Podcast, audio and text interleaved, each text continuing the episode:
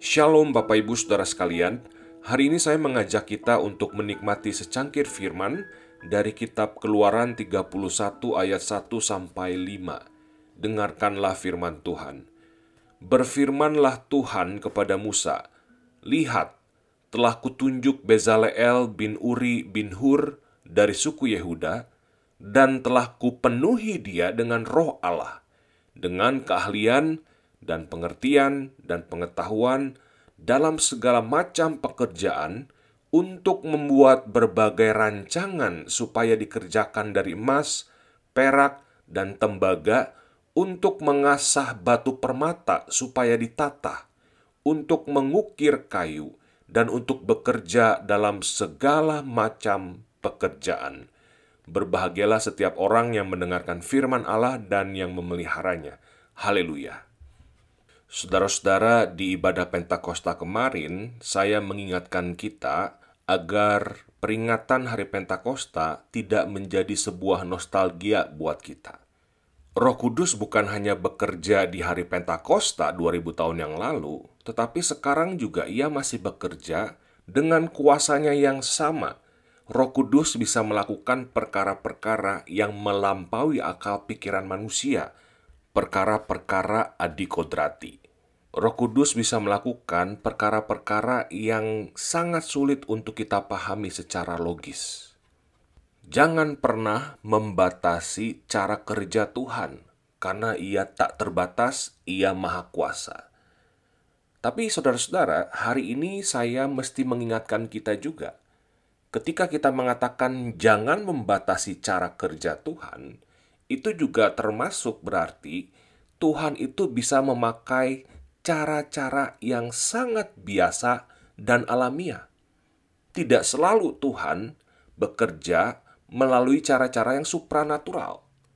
Tidak selalu Roh Kudus berkarya, bermanifestasi di dalam kehidupan umat Tuhan melalui hal-hal yang ajaib.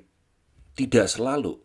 Roh Kudus bisa bermanifestasi dalam kehidupan umat Tuhan melalui hal-hal yang sangat natural, yang sangat alamiah.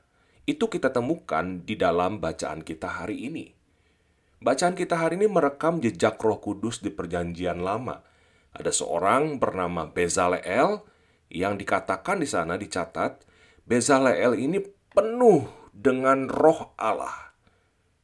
Catatan tentang Bezaleel yang dipenuhi dengan Roh Allah diulang lagi di Keluaran 35 ayatnya yang ke-30 sampai 33 dikatakan bahwa Bezaleel ini dipenuhi dengan roh Allah sehingga dengan keahlian, pengertian, pengetahuan dan segala macam pekerjaan dia itu handal sekali. Jadi di sini kita menjumpai seseorang yang dipenuhi oleh Roh Kudus dan manifestasinya adalah berbagai keahlian, pengetahuan dan keterampilan di dalam pekerjaan yang sangat teknis sekali.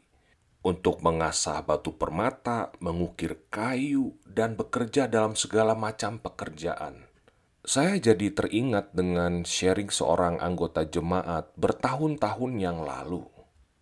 Tante ini pernah bilang, setiap kali saya potong sayuran, ketika saya jual gado-gado, saya berdoa roh kudus tolong saya supaya saya bisa memotong semua sayuran ini dengan baik, bisa menyiapkan gado-gado dengan baik, dan para pelanggan menikmati gado-gado yang saya buat.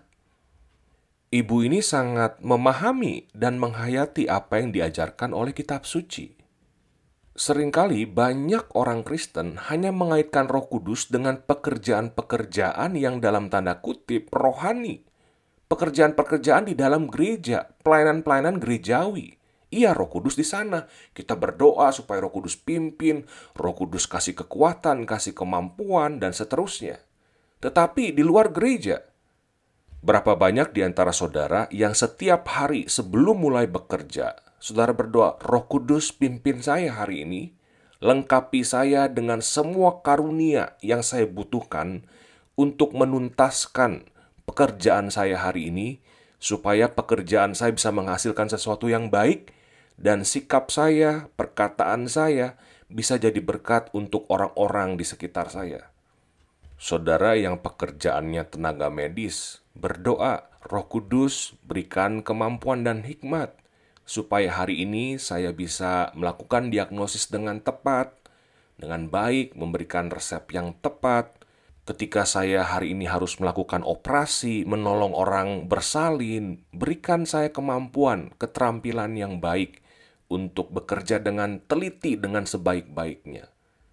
Saudara yang pekerjaannya misalnya buruh bangunan, berdoa Roh Kudus, topang saya hari ini berikan saya kemampuan dan semua keterampilan supaya saya bisa memotong kayu dengan teliti, dengan baik, memasang ubin dengan teliti, dengan baik, mengecat dengan rapi, atau misalnya saudara yang pekerjaan sehari-harinya ibu rumah tangga.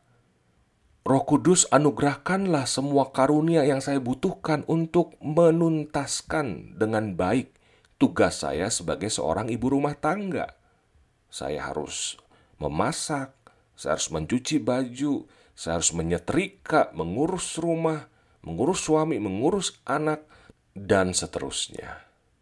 Doa saya hari ini di dalam pekerjaan sehari-hari saudara, kiranya saudara menjadi orang-orang yang dipenuhi oleh Roh Kudus, dan biarlah kepenuhan Roh Kudus dalam hidup saudara bermanifestasi di dalam segala macam pengetahuan, keterampilan, serta keahlian, sehingga saudara bisa menjadi orang yang terbaik di pekerjaan saudara masing-masing.